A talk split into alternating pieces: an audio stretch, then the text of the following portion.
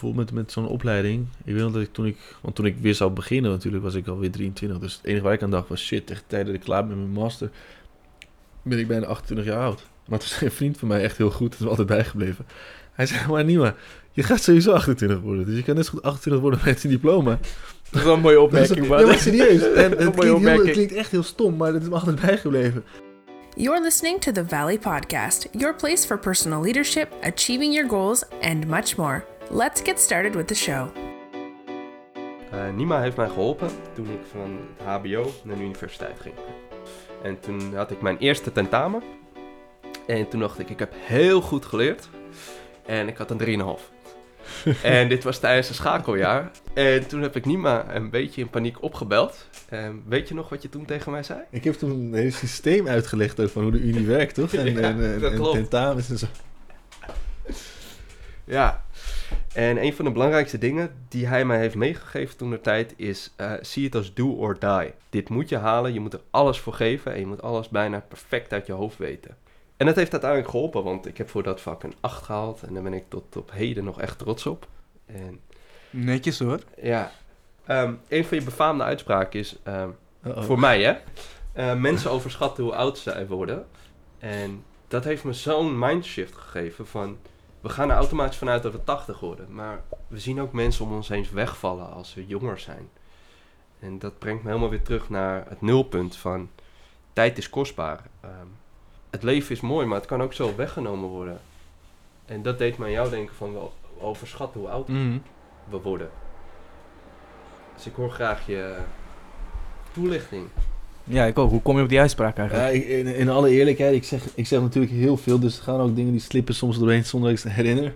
Maar het, heeft, het komt meer neer op, op een gegeven moment was voor mij ook een soort van shift.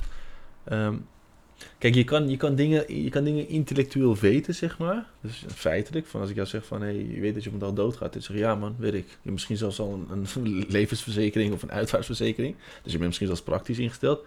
Maar aan je, aan je dagelijkse handelingen kan je zien dat je het eigenlijk niet beseft, bijvoorbeeld. Omdat je, ik zeg maar wat, met, met toch nog wat wrok gaat slapen, of iemand niet vergeeft, of, of eh, toch niet hebt gedaan wat je vandaag wil doen, omdat je angstig was.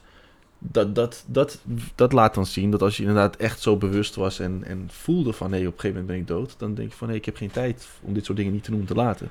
Betekent niet dat je meteen al zeg maar een shift kan maken als je zegt van oké, ik erken de dood en al, dus eh, ik ga nu maar al mijn dromen volgen, ik ben ergens meer bang voor. Nee, maar het helpt je wel. En ook met het overschatten van, van leeftijd inderdaad. Want kijk, heel veel dingen plan je vooruit. Ehm, en vooral omdat we ook, misschien is een, een mannen, mannen iets, ik heb geen idee. Maar in, een, voor mij, mannenbrein is dan meer een soort van projectjes. Dus stel je je hebt nu net je nieuwe eerste baan na je opleiding. Denk je van, ja, ik ga nu even knallen, even een beetje promotie maken, goed orde krijgen, dan een huisje, auto, vrouw, bla bla bla. Ja, maar wat je dan aan doen bent bijvoorbeeld in die hele periode, je verwaarloost je vriendschappen. Maar onder het mom van, ja, we zijn allemaal met onze carrière bezig. Nou, wat gebeurt er dan? Ben je drie, vier jaar down the road, je denkt project, studie, eh, pro- project, eerste baan is klaar. Ehm, vriendschappen. En dan ben kom je daar weer van de koude kermis thuis, want je hebt mensen belangrijke momenten gemist of whatever not. Waarom, again, weer, je zit alleen maar in, in een soort van tijd te denken waar meer dan genoeg van is. In plaats van zeg maar dingen gelijktijdig aan te pakken. Dus niet bijvoorbeeld een, een, een baan ten koste, zeg maar, die vriendschappen ten koste laten gaan van een baan bijvoorbeeld. Ehm, het is die bewustwording van dat het tijdelijk is. En als het tijdelijk is, wil je A, heel veel doen. Dat, dat is goed, dus dat zorgt voor extra motivatie. En B, je beseft ook dat je gewoon dingen ook gelijktijdig moet doen. Je moet ook meerdere petten en dingen hoog, of, of borden hoog houden. Maar dat heeft zijn eigen charme dan weer. Want je weet dat het voorbij kan zijn op een gegeven moment. Mooi gezegd. Oké. Zullen we gewoon maar verder praten? Nee, nee, nee, ik, ik, ik zit... Ja, dat kan. Maar ik zat Nee, even ja. te denken naar... ehm, je bent natuurlijk zelf een eh, drop-out geweest. Met. Meerdere malen. Ja. Voor vaker dan kan je West volgens mij. Wat zou je dan willen meegeven aan de mensen die bijvoorbeeld worstelen met een bepaalde levenskeuze? Misschien een verkeerde studie, verkeerde baan. Ja, ik ben, ik ben sowieso eh, ontzettend intuïtief persoon. Maar intuïtie moet je trainen ook. Ehm, want anders kan je op een gegeven moment denken dat je intuïtie volgt. Maar het is gewoon je ego die jou probeert te zeggen van doe dit of doe dat. Dus ik zou niet kunnen zeggen volg je gevoel. Maar je gevoel is sowieso wel een kompas. Kijk, toen ik al die verschillende opleidingen uitprobeerde. Dan kan je zeggen van oké, verkeerde aanpak. Maar je kan makkelijk concluderen dat dat iemand is die zoekende is. Dat het inderdaad in een verkeerde vorm eruit komt door gewoon links en rechts iets uit Mhm. een lijstje te kiezen en te klikken van hey, doe die opleiding maar. Ehm, neem niet weg dat gewoon een, een, iemand is die zoekt. Dat is, A, vind ik sowieso, eh, moet dat veel meer omarmd worden, die zoektocht. Ik heb, ik heb vaak gegrapt dat ik gewoon mijn midlife crisis al heb gehad. Ik heb serieus in, mijn eind tienerjaren en, en beginnen naar midden twintiger veel meer en mijn dingen al gehad, mijn midlife crisis. Maar het is alleen niet gebruikelijk om op bepaalde leeftijden zo'n ehm, bepaalde dingen te ervaren. Kijk, zo'n crisis van drie, vier opleidingen doen, niet weet je wat je, wilt. Ja, ik was toen al bezig met de, big picture, zeg maar. Dus als mensen zeiden van ik ga deze opleiding doen, ik ga die baan doen. Ik dacht van ik zie mezelf dat niet om mijn vijf, zes te doen. Zo I'm out. Weet je, ik had niet zoiets van ja, F, ik zie daarna wel. Ik dacht van nee, je gaat een vakgebied in. Dus, dus het botste voor mij, zeg maar, met mijn big picture. Ja, je moet vijf dagen in de week zo lang, zo lang werken. En dit en dit moet je aantrekken. En zo werkt het. En dan ga je maar drie keer zoveel weken op vakantie. En dan neem een hypotheek en neem een vrouw, wat kinderen. En daarna ga je lekker dood. Dacht van, hey, that's not my story. Dus, dus ik was daarin zoekende. Maar goed, het botst dan. Want mensen om je heen, en dat is ook voor iedereen die eigenlijk dan een keuze... Ik denk dat iedereen wel meemaakt dat, ja. Mens, je moet ook jezelf kunnen uitdrukken. Dat kon ik niet. Mensen dachten bijvoorbeeld in mijn omgeving van ja, die gast wil gewoon niet studeren. Ja, nee, heb ik geen problemen mee. Maar als jullie me niet kunnen uitleggen van waarom en hoe en wat. Dus, dus communicatie. Probeer, als er mensen bijvoorbeeld om je heen zijn die jouw keuze zo niet begrijpen, probeer zelf onder woorden te kunnen brengen waarom. Het is, ik, ik was niet allergisch voor universiteit of iets, maar ik, ik zag het nut er niet van in. Want volgens mijn dream life had ik er niks aan. Uiteindelijk wel natuurlijk. Maar dus heel vaak zulke dingen ook met keuzes. Je moet beseffen waarom je iets wilt. Dus je kan heel praktisch gewoon redenen opschrijven, pros en cons. Dat kan je doen. Maar uiteindelijk, heel veel dingen weet je ook op gevoel. Nog een praktische tip: je kan een munt opgooien. En hetgeen waar je hoopt dat die opvalt, dat is stiekem toch iets wat je, wat je meer wilt dan het ander. Dus als je denkt van ik ga munt opgooien, kop is dit, munt is dat. En als je voelt van hé, hey, ik zat toch stiekem te bidden dat het uh, munt zou worden. Dat, geeft je ook wel een idee. En je moet ook weten dat die dingen, sommige dingen ga je ook doen, of keuze moet je maken. Niet voor dat uiteindelijk, maar dat het is een klein stipje weer van een grote schilderij. Dus je moet dat ene vage bijbaantje hebben van, van, je uiteindelijk denkt van, helemaal hoezo dan? Dit sloeg helemaal nergens op. Of, of dit was verspilling van mijn tijd. Want die ervaring komt dan zes jaar later terug in een andere vorm die dan kan toepassen door die les. Of door die opleiding ook kon ik heel makkelijk ook link leggen tussen verschillende dingen. Ik heb echt in alle facetten van, van taal tot tot medisch, tot, tot business je dingen gedaan. Op een gegeven moment is links leggen tussen verschillende facetten is gewoon makkelijk voor je. Ja, dus zelfs die vage drop-out dingen en die ervaringen, ja. Het mooie daaraan vind ik is dat het oké okay is om even zoekende te zijn. Ja, sowieso. Ja, dat, dat is belangrijk. Ja, dit is niet echt voor jezelf niet. Je hebt zelf ook een druk op jezelf van ja, want iedereen om je heen doet al wat. Iedereen weet wat ze willen. En dan sta jij daar maar een beetje nog half uh, je stufie weg te blowen aan McDonald's uh, burgers. ja, maar goed, dan besef je wel van deze zoektocht. En ik doe me denken, ik kwam een keer een meisje tegen die met mij op de middelbare zat. En ik kwam haar tegen na haar HBO. Ik was toen echt nog full in drop-out mode slash god knows what. En zij zei van, ja, maar weet je niet, maar erger ben ik ook wel jaloers op jou. Want ik ben over, over twee weken klaar en dan moet ik gaan werken. En ik vind het helemaal niet leuk en ik heb er helemaal geen zin in. Ik weet niet eens wat ik wil dacht van, oh, we zijn allemaal gewoon zoeken. Alleen we doen het gewoon net iets anders. Sommige mensen doen het tijdens hun dingen. Die worden depri tijdens hun eerste baan. Andere mensen die gaan helemaal go, go wild en girls gone wild en hun hele leven op een andere tour zetten. Andere jongens gaan hele andere interesses krijgen.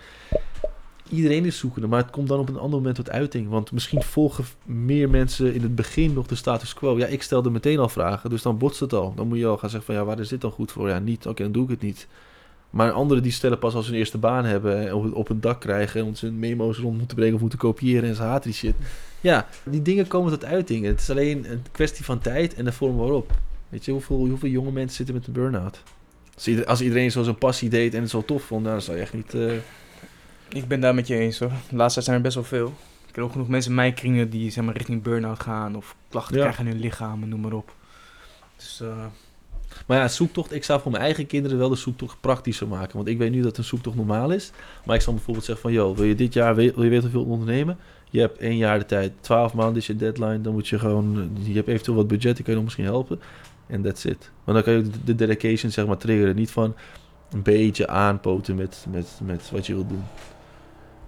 Ik zou het zeg maar best both world mix maken. Gedisciplineerd kinderen laten experimenteren. Ja, het doet me denken aan een docent die een prachtig voorbeeld had over um, ondernemen. En het ging erover dat iemand aan het praten was over ondernemen. En wat vind je leuk of wat vind je leuker. dat weet hij nog niet. En toen zei hij, ja, maar je zit toch hier voor de studie. Op dit moment vind je dit nog belangrijker. En de metafoor was dat het later alsnog kan komen. Maar Ja. op dit moment kies je hiervoor. En het kwam er ook op neer, je bent zoekende, Ja. maar je hebt nu alvast een keuze gemaakt. Ja. Ja, en uiteindelijk voor mij ook, bijvoorbeeld met, met zo'n opleiding. Ik weet nog dat ik toen ik, want toen ik weer zou beginnen natuurlijk, was ik alweer 23. Dus het enige waar ik aan dacht was, shit, tegen tijd dat ik klaar ben met mijn master, ben ik bijna 28 jaar oud. Maar toen zei een vriend van mij echt heel goed, dat is altijd bijgebleven. Hij zei, maar Nima, je gaat sowieso 28 worden. Dus je kan net zo goed 28 worden met een diploma. Dat is wel een mooie opmerking, Dat man. Ja, maar serieus. En het, klinkt heel, het opmerking. klinkt echt heel stom, maar het is me altijd bijgebleven. Maar ik dacht van shit man, goed punt. Daar heb ik niet over nagedacht. Tijd gaat sowieso voorbij. Met gitaar ook. Op mijn dertigste. Gewoon echt vorig jaar op mijn verjaardag dacht ik van ik heb mezelf gitaar gekocht. Ik dacht van ja, is niet laat. Straks ben ik pas 31. Ik dacht van, maar skill, je bent sowieso straks 31. Het verschil is, misschien kan je nog een akkoord spelen straks op 31 of niks. Dus, dus ook daarin, ja, toch een praktische approach van tijd gaat sowieso voorbij. Kan je net zo goed wat doen wat je leuk vindt. Weet je dat ik dat vaker hoor? Mensen die al wat later aan de studie beginnen en die dan zeggen ja, maar dan ben ik X wanneer ik klaar ben. Mhm.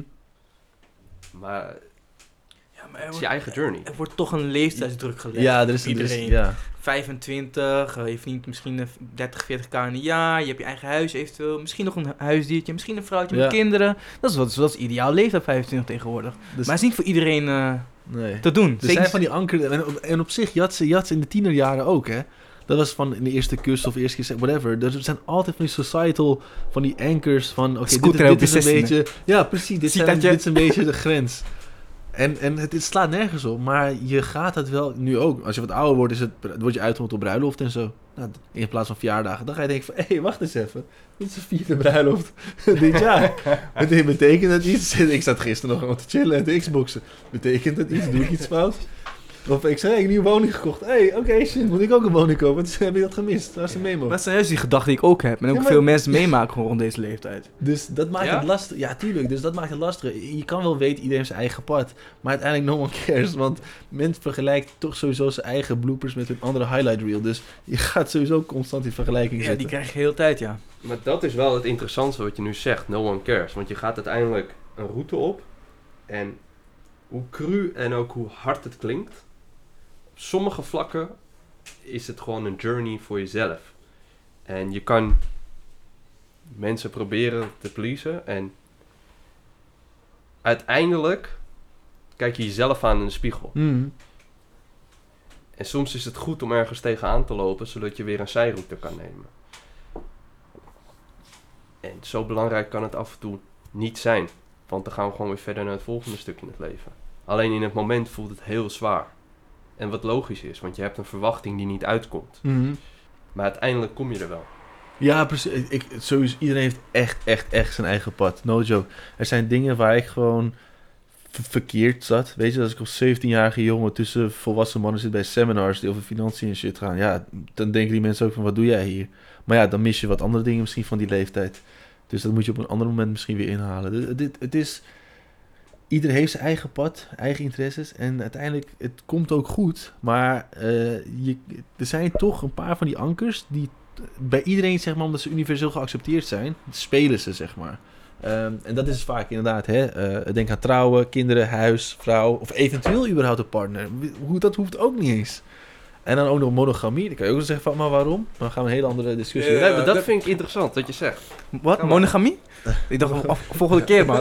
Niet dit keer. Nee, nee, snap ik, snap ik. Maar dat stukje huisje, boompje, beestje. Je hebt het nu over, de, over on the surface. Ja. oppervlakte. Voor die mensen die dat overwegen, dan is dat al een hele stap om dat aan mensen uit te leggen. Mhm. En wat je nu zegt, je wordt uiteindelijk wel in een bepaald frame gezet. Sowieso, ja joh. Yep. Zeg, ga jij maar naar een familiebarbecue? Zeg, niet dat ik dat ben maar just just putting it out there. Ga jij maar naar een familiebarbecue? Zeg dat jij eh polyamorous bent en in een open relatie. Ik weet niet hoe, hoe chill jouw familie is, maar de meeste mensen zouden veel meer oké zijn met... eh, ja, ik, eh, ik heb één vriendin en ik plan ook te gaan trouwen met haar en niks met andere mensen te doen. Moet dat per se? Hoeft niet. Als je gewoon respectvol met iemand anders bent of je bent polyamorous en dat, iedereen weet erover, je hebt een open relatie.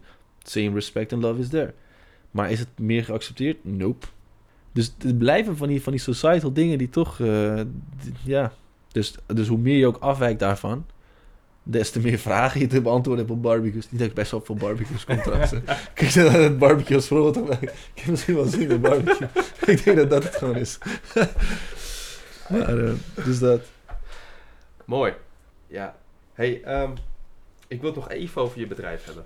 Ja. Eh, want ik heb je natuurlijk op LinkedIn opgezocht, Stefan ook.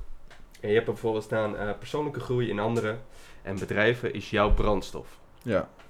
Wat bedoel je daarmee? Ik, ik ben altijd echt ziek verslaafd geweest aan personal development.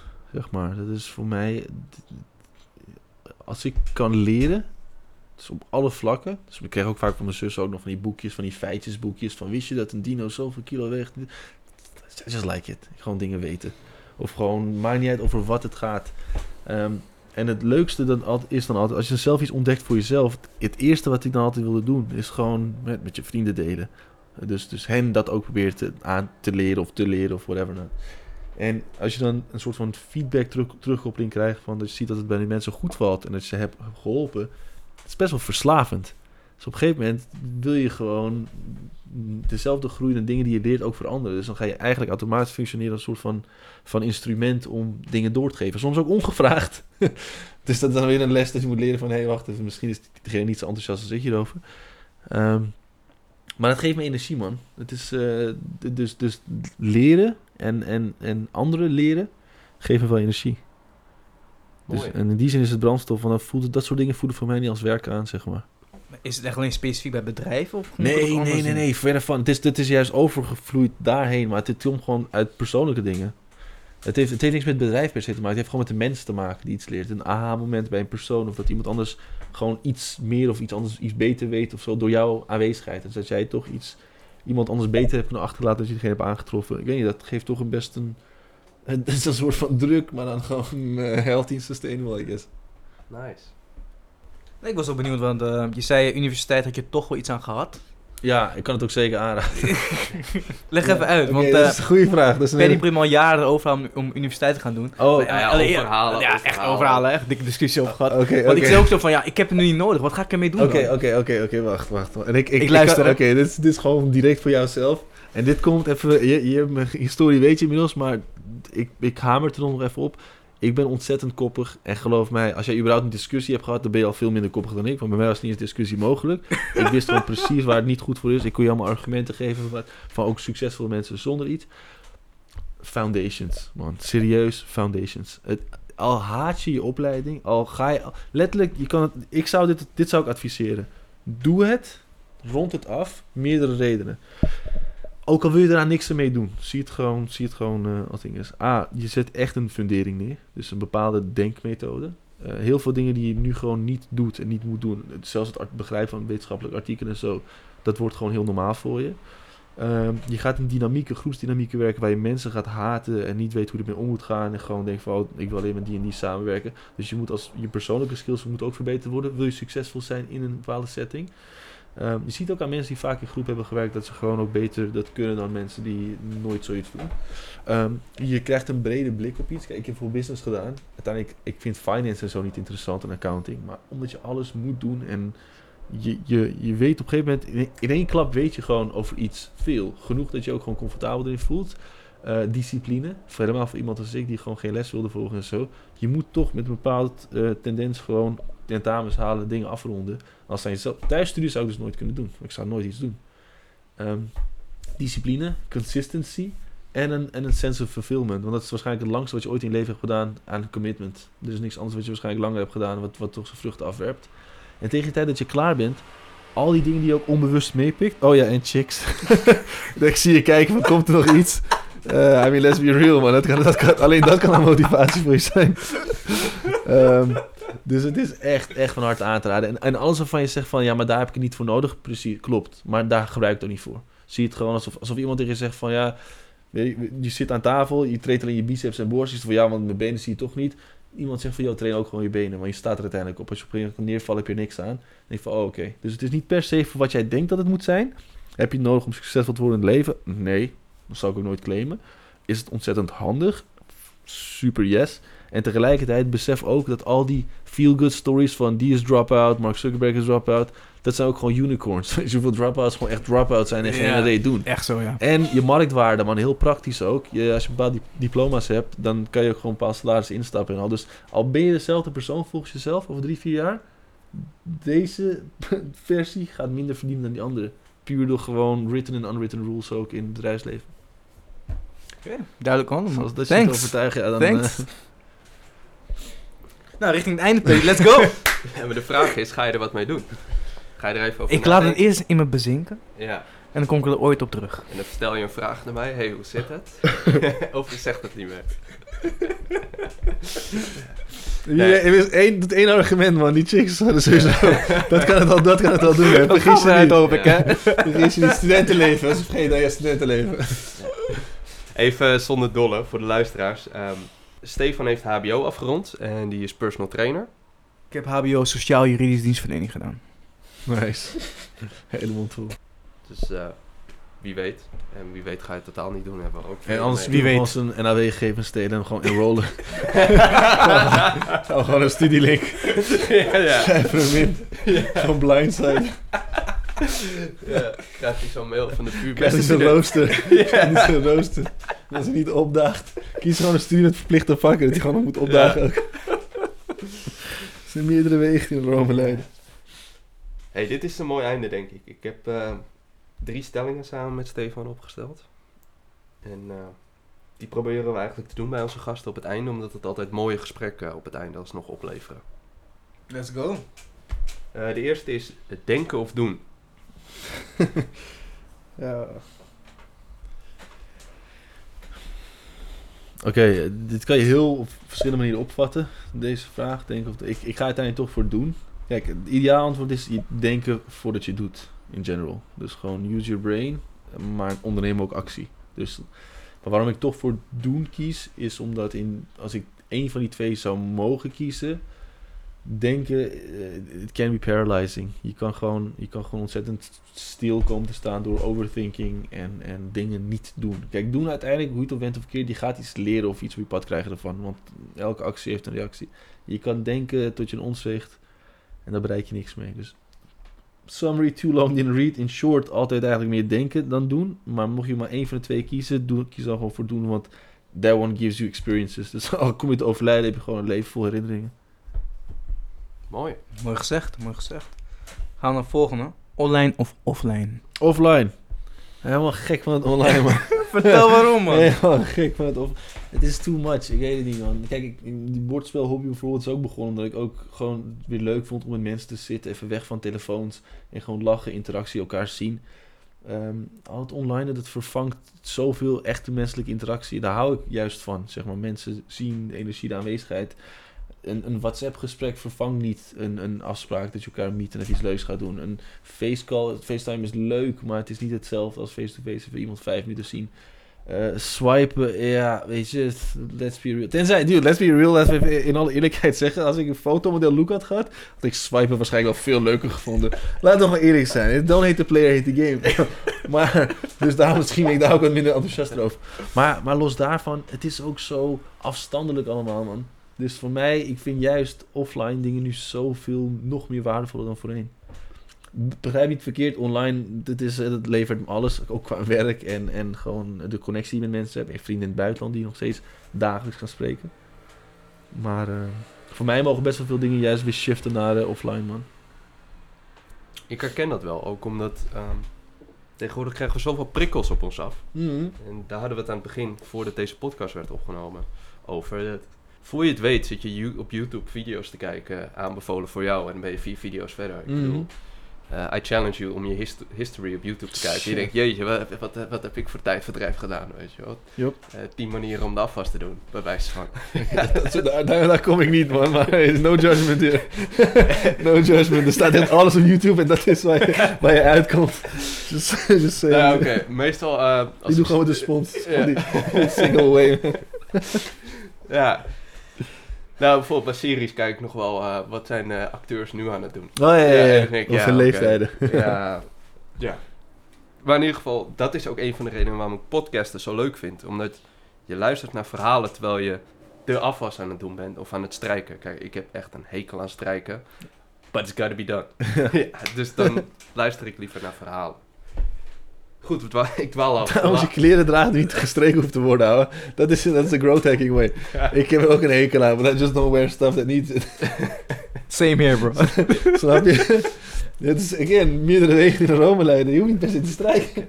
Je kan het ook gewoon kijken. Hé, hey, het ruimt ook nog gewoon. Ik kan het ook gewoon ontdekken. De laatste is echt op eh, persoonlijk eh, vlak. Mm. Ehm, persoonlijke groei bedoel ik dan deze. Eh, liefdesverdriet of nooit liefde gekend hebben? Sowieso verdriet, man. verdriet is character development. Echt alles wat gewoon pijn doet en vervelend is, dat het leukste daaraan is, ook al te- terwijl je pijn voelt, je weet dat er gewoon een equivalent aan groei nog achter zit. En, en eh, nee, all day, man. Liefdesverdriet all day. Gewoon geef mij maar een paar van die shitty mixtapes. gewoon trieste verhalen dat je je vrienden mee lastig valt. Ja, man. Bovendien, het is het lullige voor, die, voor je vrienden. Zijn we die shit steeds aanhoren? Nee, liefdesverdriet, man. Oké. 100%. Ja. Ik, zou, ik kan niet voorstellen dat iemand voor die andere kiest. en Ik, zeg, Ik heb nog nooit iemand zo enthousiast hierover horen praten, maar... Nee, maar is, is toch zo? Serieus. Want je, maar je leert ervan, man. Nee, dat is wel zo. Elke relatie leer je sowieso iets En van. elke pijn en iets... Alles waarvan je van denkt van...